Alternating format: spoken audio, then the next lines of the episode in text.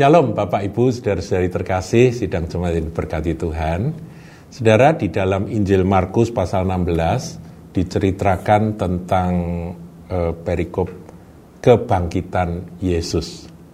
Nah, khusus di dalam Injil Markus ada penekanan, penekanan tentang ketidakpercayaan dari murid-murid Tuhan. Nah, saya ingin angkat ini, saudaraku. Dan yang luar biasa, meskipun kualitas dari murid-murid Yesus itu seperti itu, Tuhan bangkit, mereka nggak percaya, ya sampai Tuhan harus menegur kedegilan hati mereka. Tapi toh Tuhan eh, memberi amanat agung atau eh, apa itu mempercayakan amanat agung itu kepada murid-murid dengan kualitas tidak percaya seperti itu. Ya, kita lihat sejarah ya. Eh, lompat-lompat aja dalam Markus 16 ayat 7. Tetapi sekarang pergilah, katakanlah kepada murid-muridnya dan kepada Petrus, ia mendahului kamu ke Galilea.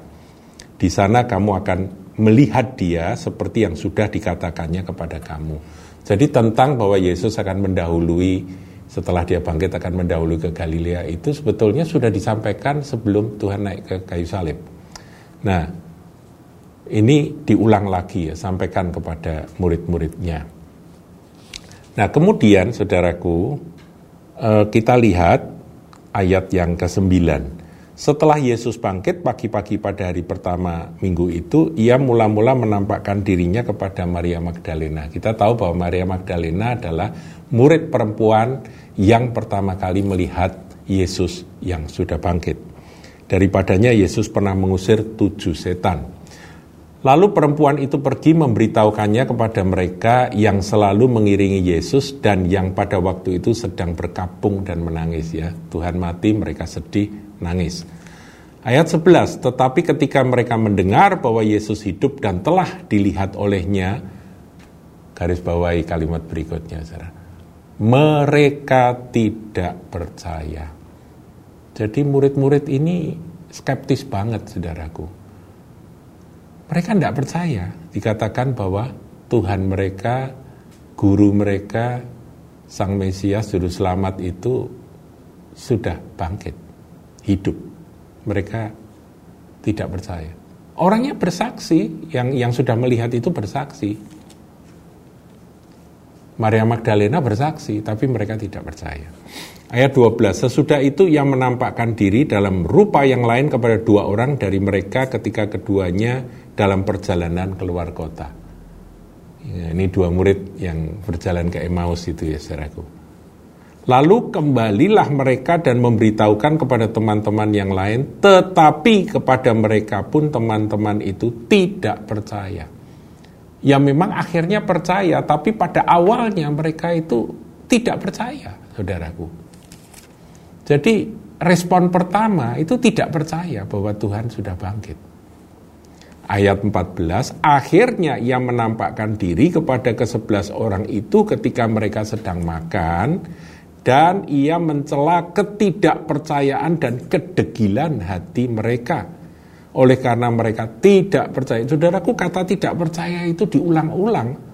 Ayat 11 tidak percaya, ayat 13 tidak percaya, ditegur ketidakpercayaan dan kedegilan hati karena mereka tidak percaya. Jadi tidak percaya itu merupakan uh, apa ya sifat melekat akan kondisi yang melekat yang kuat sekali pada para murid kepada orang-orang yang telah melihat. Jadi tidak percaya kepada orang-orang yang telah melihat dia sesudah kebangkitannya.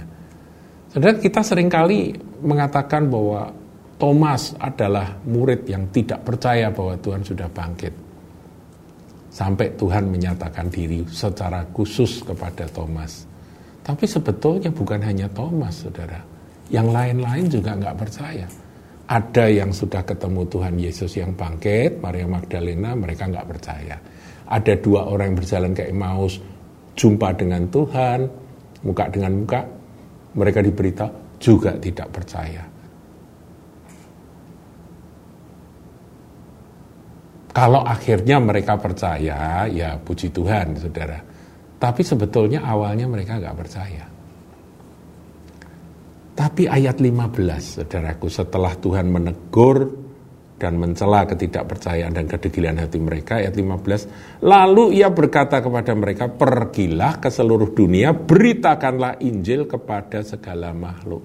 Jadi Injil yang sangat berharga yang mulia yang merupakan satu-satunya kebenaran mengenai keselamatan umat manusia itu dipercayakan kepada murid-murid dengan kualitas seperti itu yang tidak percaya.